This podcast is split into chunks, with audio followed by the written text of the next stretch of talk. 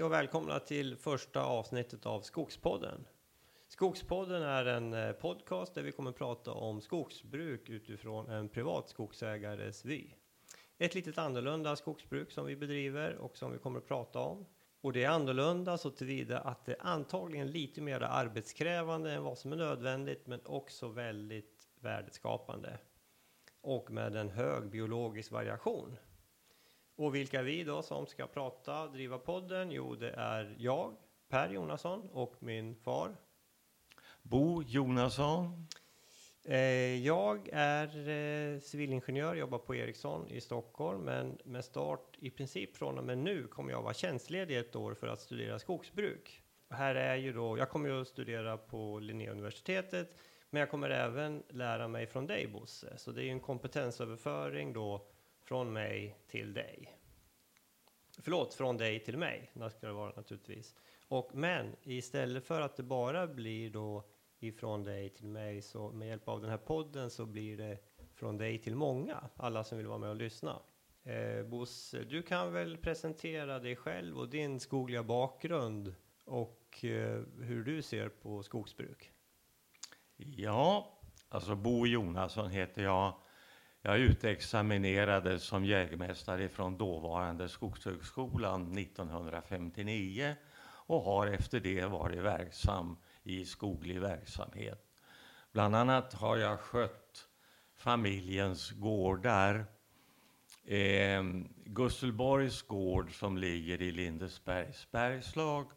360 hektar produktiv, bördig skogsmark och 110 hektar i Vassemåla by, 8 kilometer ifrån Vimmerby. Eh, en gård som har varit i släkten sedan början av 1900-talet. Eh, vi sköter i alla fall den här skogsbruken ganska intensivt. Och vi har våra prioriteringar som vi, vi håller fast vid eh, och som vi tycker är kolossalt viktiga. Och jag drar de fyra prioriteringarna ja, nu. Gör det. Du, du, nu läser du din bok som du har skrivit också. Det här är ett uppslag i en bok som heter Värdeskapande skogsbruk och som bygger på erfarenheter av skogsskötseln på de här två gårdarna. Mm. Eh, Eh, prioritet nummer ett, det är styrka och stabilitet. Framförallt mot starka vindar. Mm. Det är oerhört viktigt. Alltså. Mm. Um, prioritet nummer två, det är produktion av hög sågtimmerkvalitet. Hög kvalitet av tall, gran och förhoppningsvis också björk. Eh, hög volymproduktion är också viktigt. Och där gäller det att välja rätt träslag, rätt provenienser och rätt träslagsblandningar. Mm. Eh, prioritet nummer fyra är rikligt viltbete biologisk variation, skogliga skönhetsvärden och oskadade kulturmiljöer. Riktigt viktigt är, är det här att hålla uppe produktionen av viltbete. Och det låter sig göras ofta med ganska enkla metoder vid röjningen. Jag ska bara säga som ett exempel. Eh, vid röjning, vid all röjning i ungskog alltså. Så röjer vi aldrig bort någonting ätbart som är undertryckt. Alltså mm. undertryckt mm. björk, eh, asp, sälj, rönn och tall. Undertryckt sådant får stå kvar. Våra röjningar ser inte så välstädade ut som det storskaliga skogsbrukets röjningar. Mm. Men där finns mycket mat. Ja. Ja. De här uh, prioriteringarna nu, Bosse, som du läste upp, vi, vi, kan, väl, vi kan väl kalla det för en, en, en programförklaring? Ja, jag tycker det. Av skogsbruket? Ja. ja, jag tycker det.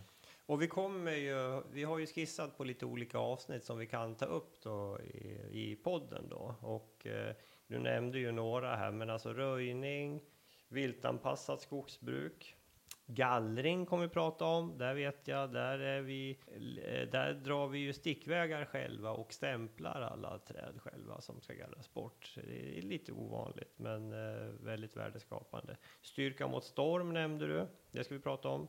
Minska granens rotröta. Eh, kvalitetsproduktion.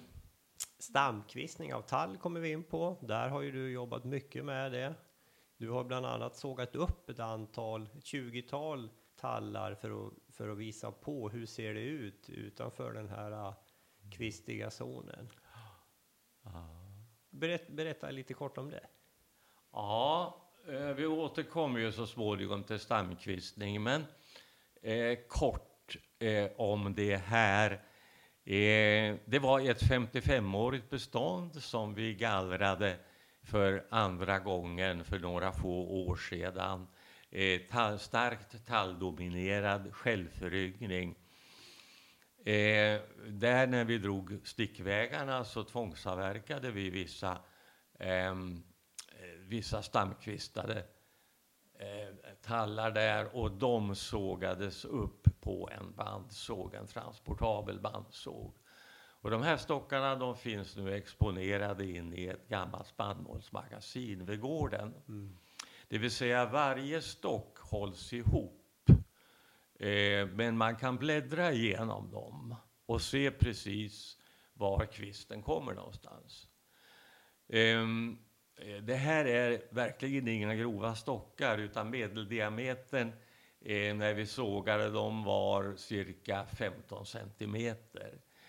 Eh, och, eh, sen har vi mätt upp det här eh, omfattningen av det kvistiga centrumet. Och det visar sig vara i genomsnitt 11 centimeter som är ett kvistigt centrum mm. i stockarna. Ja. Allting utanför det är, blir då kvistrent virke. Mm. Om de här träden får stå till de är 34 centimeter och det fortfarande är förstås 11 centimeter kvistigt centrum så eh, innebär det att det är 80 procent kvistrent virke i de stockarna. Och det här ligger nu 30, 40, 50 år i framtiden. Men eh, det kommer att vara en ovanlig mm. vara då. Mm. Vi producerar en kommande bristvara. Ja. ja, det är ju kul. Och det här finns ju, just det här som du beskriver, finns ju också att läsa i Skogsstyrelsens eh, skogsskötselserie som finns på Skogsstyrelsens hemsida. Och i avsnittet om stamkvistning, där är ju du med. Eh, och eh, jag tror att det finns bilder ifrån den här uppsågningen också. Ja, jag tror också det. I vilket fall så finns det bilder ifrån skogen. Ja. Det, det här avsnittet är ganska nyskrivet. Författare är skoglig doktor Jan Falk på SLU som har varit här i skogen. Och vi har verkligen pratat stamkvistningar. jag. Ja, men det är bra. Vi, kommer, vi, vi kör ett separat avsnitt om det här, för det här är så pass intressant. Du har väl stamkvistat 13-14 000 tallar? Ja, det är ungefär det antalet. Sen har vi, vi ett gäng på Vassemåla också. Ja, det, det, är också kvistat på Vassemåla, ja. Mm. Det har jag själv varit med och gjort. Mm. Ja, bra. Eh, vi hade några flera uppslag. Eh, skonsam fröträdsavverkning. För där har du eh, lite idéer om hur man gör det. Blandskog kanske vi nämnde. Och den här eh, biologiska variationen också. Och eh, skogliga skönhetsvärden. Men det första avsnittet idag, då ska vi prata om beskogning. För det har vi ju hållit på nu hela Kristi himmelfärdshelgen. Så vi har hållit på fyra dagar med beskogning, så det passar ju bra att sparka igång med det. Så jag tycker vi kör på det. Vi har sått och planterat eh, eh, drygt fyra hektar, eh, delvis väldigt stenig mark. Eh, det råkar, det här är eh, eh, 170 meter över havet i mellersta Bergslagen. Eh, vilket innebär att det är i direkt anslutning till högsta marina gränsen. Mm. Så eh, de lerpartiklar eller finpartiklar överhuvudtaget som fanns i moränerna här, eh, de sköljdes bort av ett kallt, isigt hav för 10 000 år sedan. Mm. Eh, lerpartiklarna de ligger eh, nere i Mälardalen. Eh, och de lite grövre partiklarna ligger li, lite närmare, delvis faktiskt, på fastigheten. Men i alla fall, en stor del av den här arealen har varit nästan otäckt stenrik. Mm. Och där har vi nu planterat i första hand 1700 eh, granar per hektar. Vi har tagit lite extra stora eh, rotklumpar. Ja. Eh, volymen på rotklumpen här är ett- 105 kubik eh, millimeter. Eh, så att eh, det ska nog hjälpa till i överlevnaden i den här steniga moränen. Och de här var ju Coniflex behandlade också. Absolut snytbaggen. behandlade. Ja, ja. Det finns ju andra metoder också. Ja. Och markberedningen. Markberedningen det gjordes med harv. Eh, vi ska säga det att det här slutavverkades vintern 1900, eh, 2014-2015. Just det. Och sen eh, sommaren och hösten 2015 så grotskotades det först av avbarrat grot. Ja, viktigt, vi- det tycker jag är viktigt, Mm. att man låter eh, groten avbarras på plats. Och sen... Eh, eh, Och det är för att eh, näringen finns i barren och den vill du ha kvar på, på hygget. Ja, näringen finns där. Och dessutom de här barrmattorna som blir under grothögarna på hygget. Det är ett väldigt bra avdunstningsskydd. Ja. Eh, så att barren gör dubbel nytta här. Ja. ja. Ehm, nej, men sen, sen markbereddes det med harv ungefär första november Mm. eh, 2015. Och så planterar och sår vi det nu i maj 2016. Markberedningen, Bosse, bara helt kort där. Du, du, du brukar vara med när det görs. Ja, jag, jag går alltid med när det markbereds och jag tror att det är väldigt väl använd tid faktiskt. Eh, försöker reglera det här med djupet. Eh, och eh, det finns mycket att göra där, särskilt om man ska så. Så är det viktigt att det inte blir för djupt. Eh, man vill ju egentligen bara ha bort alltså markvegetationen och humustäcket. Ja. Så idealet är om det är, eh, särskilt om man ska så, att det är blek jord i ytan i harvfåran. För i blekjorden blir det ingen uppfrysning. Nej, okej. Det är en viktig kunskap för den som ska så. Ja. Och det är rent märkvärdigt vilken stor skillnad det är mellan blekjorden och den underliggande rostjorden i just det här avseendet. I eh, uppfrysning. Gäller just uppfrysning, ja. Mm. Okej, så grund, eh, grund markberedning och sent på hösten där det inte, när det är fuktigt och eh, ingen risk för, för brand också då. Ja, visst. Eh, det är ju så. Eh, eh, den här markbredden som gjordes 2015, det var ganska precis första november. Och då är det rimligtvis väldigt liten risk för skogsbrand. Vi västmanlänningar är känsliga för just det här nu Vi är ju det. ef- efter den stora branden vi hade.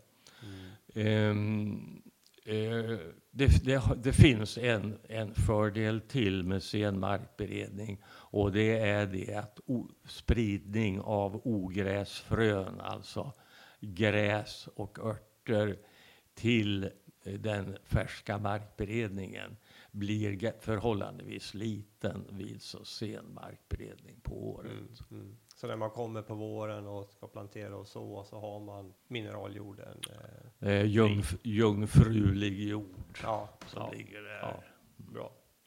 All right. Nej, men ska vi gå in lite mer i detalj på hur, hur vi har gjort det här? då? Du hade ju också Bosse en, eh, en sammanställning över hur beskogningen har sett ut på Ja. Gusselborg. Eh, när det gäller alltså på Gusselborg, eh, beskogningen där eh, under perioden 1996 till 2011, den, är, den är, består av självföryngring 15 procent av arealen. Sådd, ren frösådd av tall och gran 32 procent. Plantering av ren gran 8 procent. Och kombinationen plantering gran och sådd tall 45 procent. Mm. Eh, jag ska säga beträffande självföryngringen här. Det är bara i, vad jag kan erinra mig hastigt, bara ett enda bestånd där hela beståndet har självföryngrats. Ja. Det var en ytfuktig mark med vitmossor eh, i vid foten av en lång sluttning. Där det var eh, ja, väldigt rikligt eh, uppslag av självföryngrat tall. Mm. Annars är de här 15 procenten självföryngring, det är små fläckar. Ja. Eh, Det är till exempel en, en stormlucka i ett äldre bestånd som har då föryngrats med gran. Eh, som vi, eh, och den granen då har, har vuxit upp och kanske blivit en, kanske två meter hög. Det här är vi väldigt noga med att försöka spara när vi sen föryngrar beståndet. Ja. Vi fäller inga träd in i den här etablerade föryngringen utan istället utifrån den.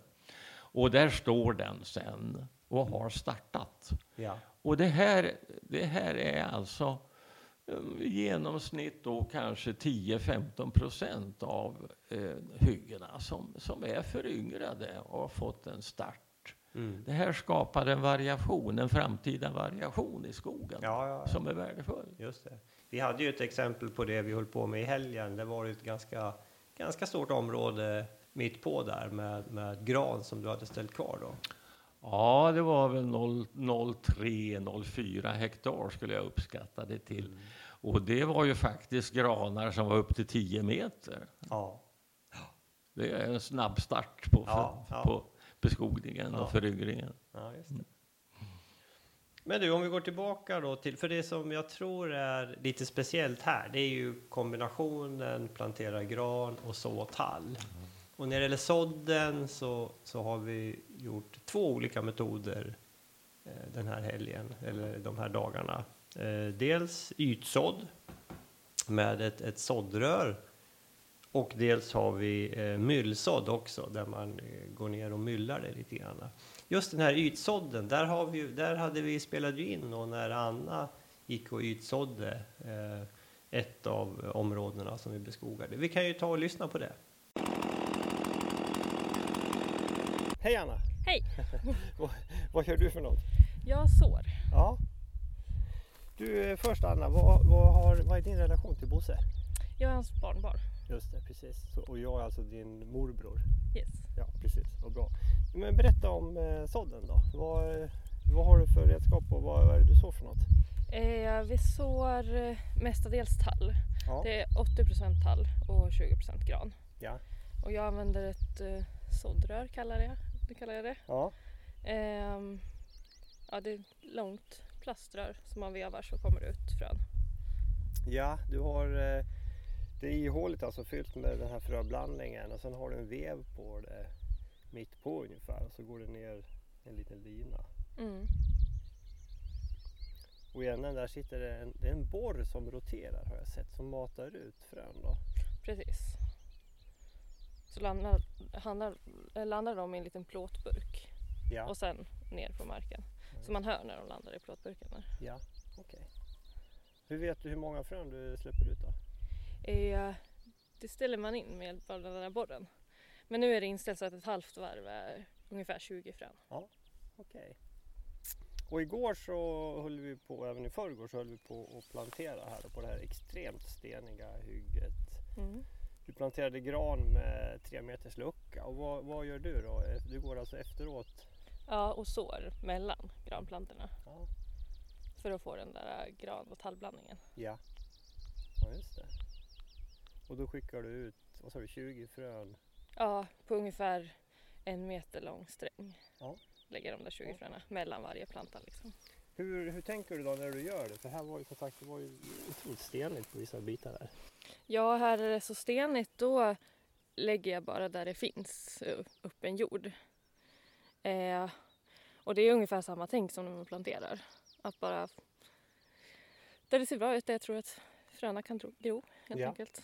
Där Ja. det är jord och inte för långt ner i fåran så det står vatten och sådär. Ja. Ja, det är inte första gången du gör det här. Nej, det är det inte. Du är erfaren eh, sådderska. Ganska i alla fall. Men du, eh, du kan väl, eh, jag går med dig så får du, Mm. du berätta hur du tänker och så ska vi, vi kan även lyssna på det här eh, Mm. när, när fröna faller. Här var ju en jättefin sort där man ser mineraljorden framme. Ja.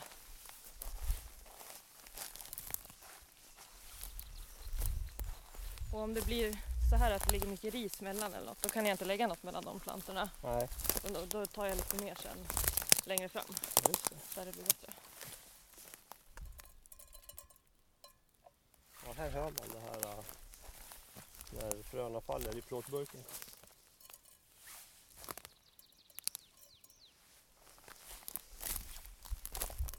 Hur vet du var du har varit? För man ser ju inte fröna med blotta ögat knappt om man inte vet var de är. Nej, precis. Eh, jag märker ut med band när Mm. jag slutar någonstans. Men annars försöker jag följa raderna bara fram Ja, och tillbaka och hålla koll på och försöka komma ihåg. Du följer markberedningsraderna. Ja. Det här med, eh, du berättade att ni har ju haft lite olika knep också för att liksom se vart ni har gått. Ja. Eh, nu i den här fröblandningen så är ju ungefär 10% färgade. De är spray, sprayfärgade helt enkelt fröna Ja. eh, med röd färg. Ja. Men det funkade inte så jättebra. och, eh, förra året då strödde jag ut torkade kikärtor när jag gick i raderna. Du hade alltså i fickan då? Ja, precis. Ja. Kunde Eh. du, om du blir hungrig då så kunde du käka lite. Ja, ja, precis. Men det syntes inte heller jättebra. De smälte ju in i färgen. Ja, ja. Så att det- ja, det lättaste är nog att försöka komma ihåg. ja. ja just det. Jag vet, eh, något år så har vi Bosse haft färgade lekrekyler Mm. också. Ja, precis. Det kan man också ha och strö ut. Men annars som sagt hå- hålla koll och märka ut med band och där man har varit. Och. Ja, precis. Kul! Mm. Men här har vi då, eh, för här är det, det här är alltså en ytsådd metod då och du sa 80-20, 80% tall, 20 gran. Mm. Men igår, eller om det var i förrgår, så myllsådden är en bit eh, lite högre upp i sluttningen här. Mm, precis. Nej men eh, du får fortsätta så är det här snart klart. Mm. Ska vi ner till nästa sen. Yes. Bra, tack!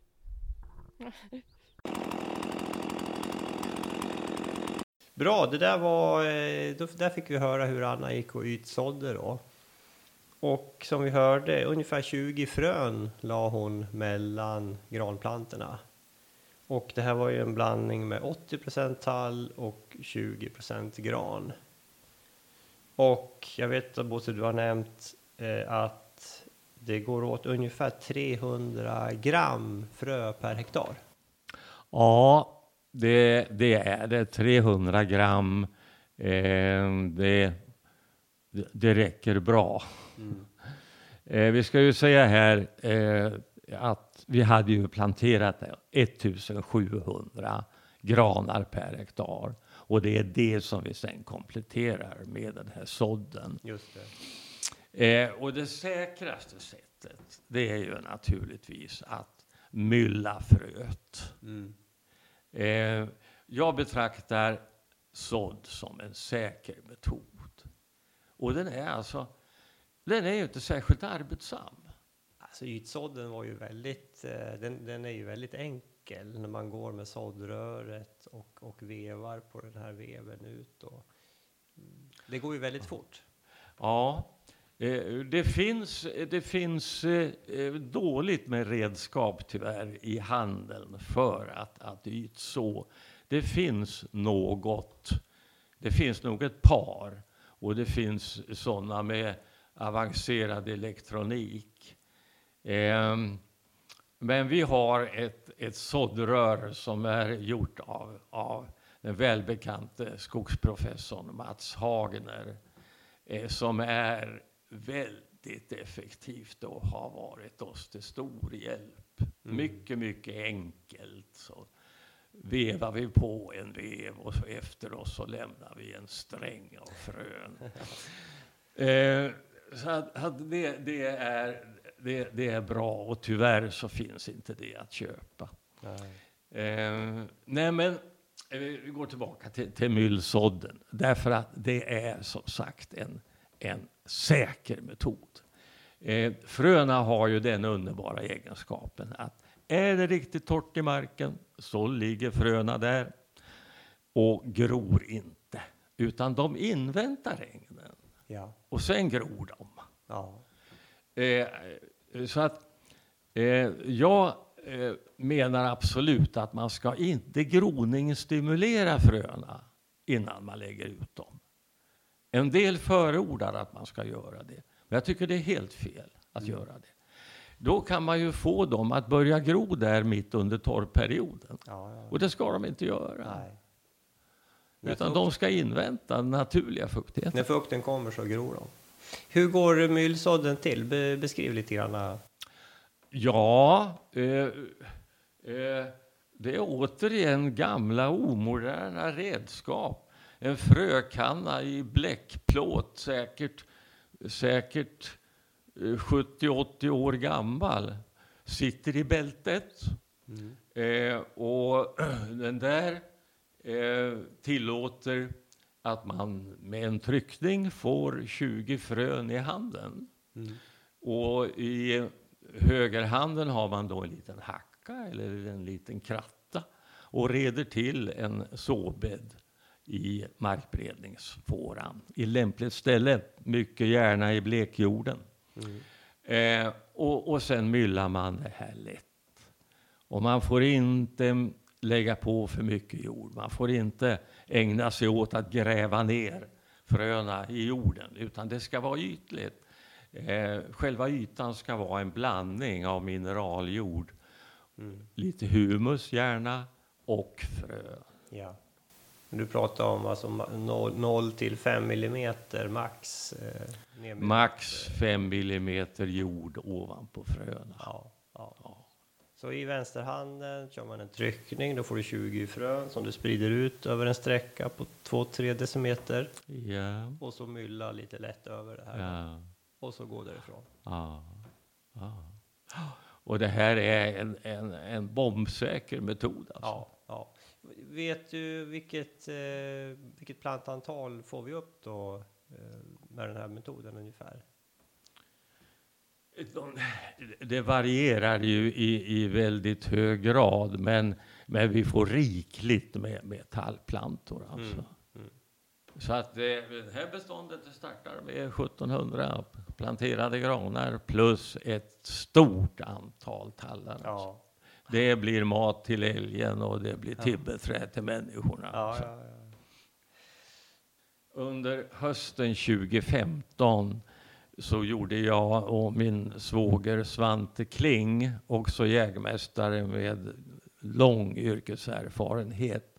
Vi gjorde en provytetaxering i en 15-årig färdigröjd skog mm. anlagd på det här viset.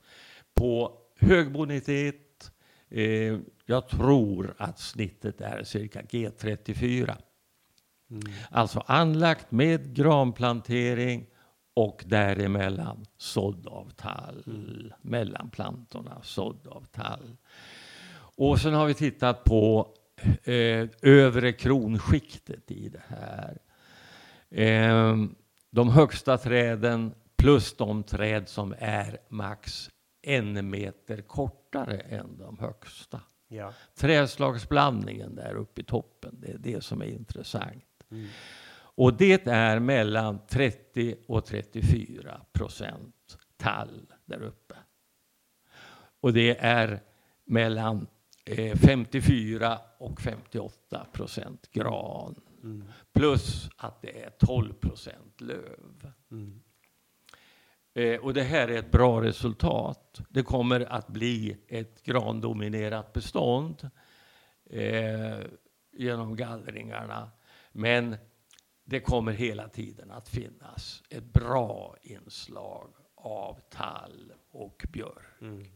Och, och det är det här som är själva målet med den här eh, metoden. Ja.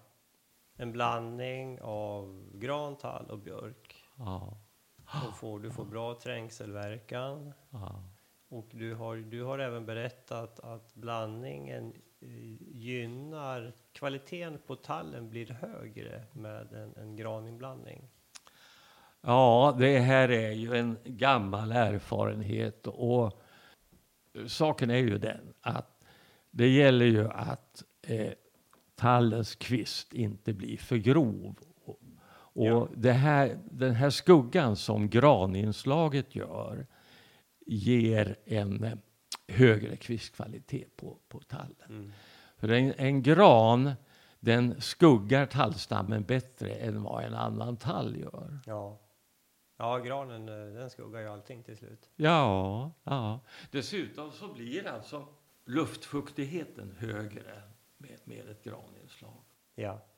Eh, En som har ägnat sig åt det här det, det är min studiekamrat Arne Johansson som var re- revirförvaltare på gamla Vimmerby revir.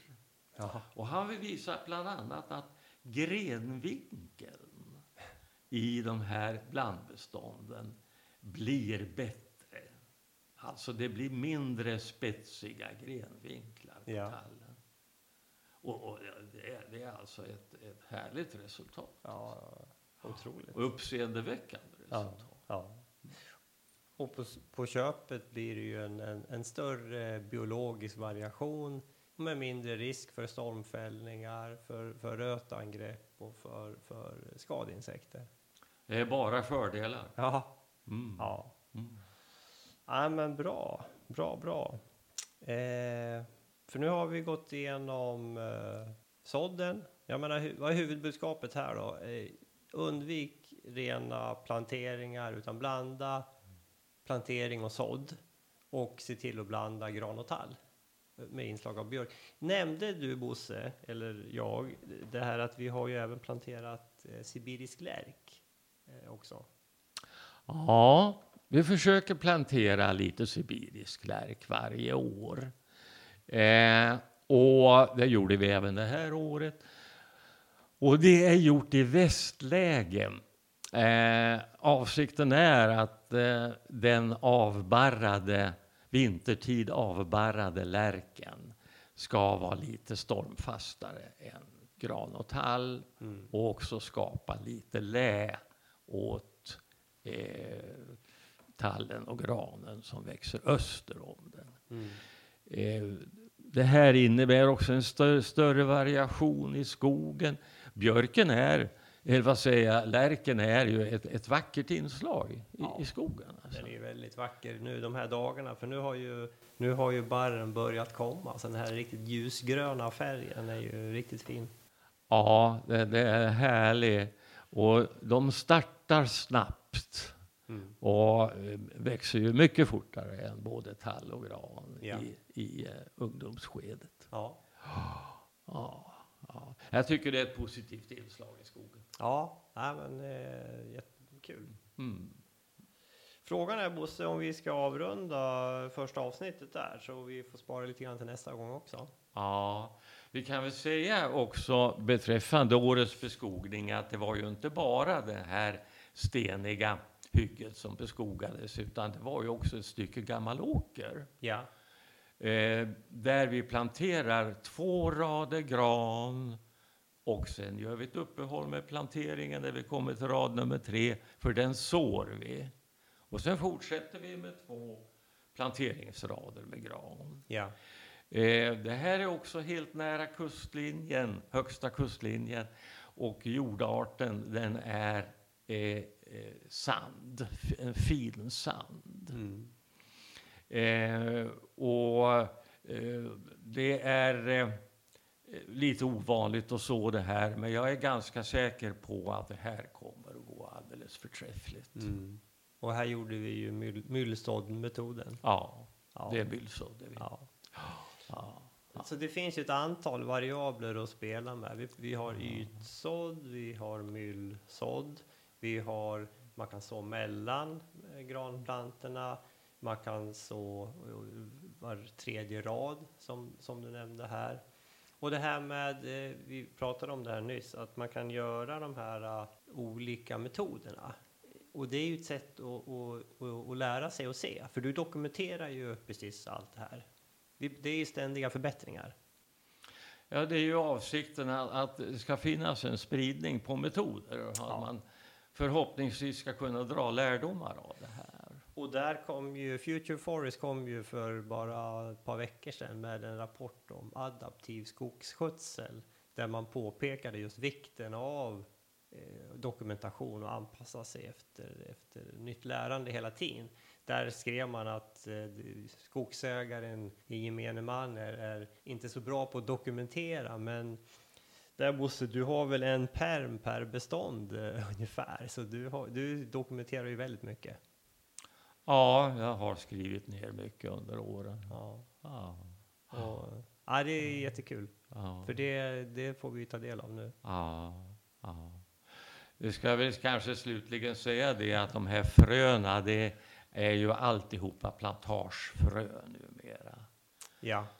Ehm, och när det gäller tallen så eh, vill jag gärna ha eh, frö som sydförflyttas ungefär 10 mil. Så här i mellersta Västmanland så sår vi övervägande frö ifrån Dalarna. Mm. Det finns undersökningar som åtminstone antyder att det här ger en bättre kvistkvalitet. Mm. Ja. Frö är dyrt, plantagefrö är dyrt, det kostar nästan 10 000 kronor kilot. Men det är värt pengarna. ja, ett kilo räcker ju då till eh, mer än, mer än tre hektar. Ja. Ja, vi får väl, eh, du har väl även tagit fram egna frön har jag för mig, så vi, det kan vi ju komma till någon annan gång. Även den här sådden av rund som du har ägnat dig åt, men vi tar det vid ett senare tillfälle. Jag tror vi sätter punkt där. Kom gärna med eh, feedback och synpunkter. Var det bra? Var det dåligt? Vad vill ni höra mer av? Eh, gå in på skogspodd, skogspodden.se så finns det kontaktuppgifter och lite dylikt. Så, så hörs vi vidare nästa gång. Tack Hej då! Hej då! Mm.